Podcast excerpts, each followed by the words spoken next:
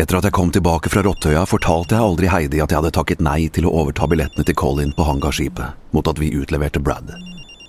Ikke at jeg tror at hun ville sagt ja, men da slapp hun i hvert fall den gnagende tvilen om vi valgte det rette, når vi tok fra Sam sjansen til det som kanskje, som ganske sikkert, ville bli et bedre liv. Jeg gikk halvt og ventet på Collins neste trekk, og så kom det. Hallo? Will Adams? Ja? Ja, jeg har statsadvokat Adrian Matheson til deg. Et øyeblikk. Will?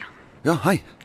Hei, du, jeg går rett på sak, jeg. Jeg har akkurat blitt orientert om at en Gabriel Norton, kalt Dumbo, har tilstått drapet på dattera di. Hva? Ja, Det betyr at så lenge tilståelsen ikke blir trukket, eller det blir fremlagt bevis som renvasker Norton, så kan ikke jeg reise tiltale mot Brad Lowe. Faen!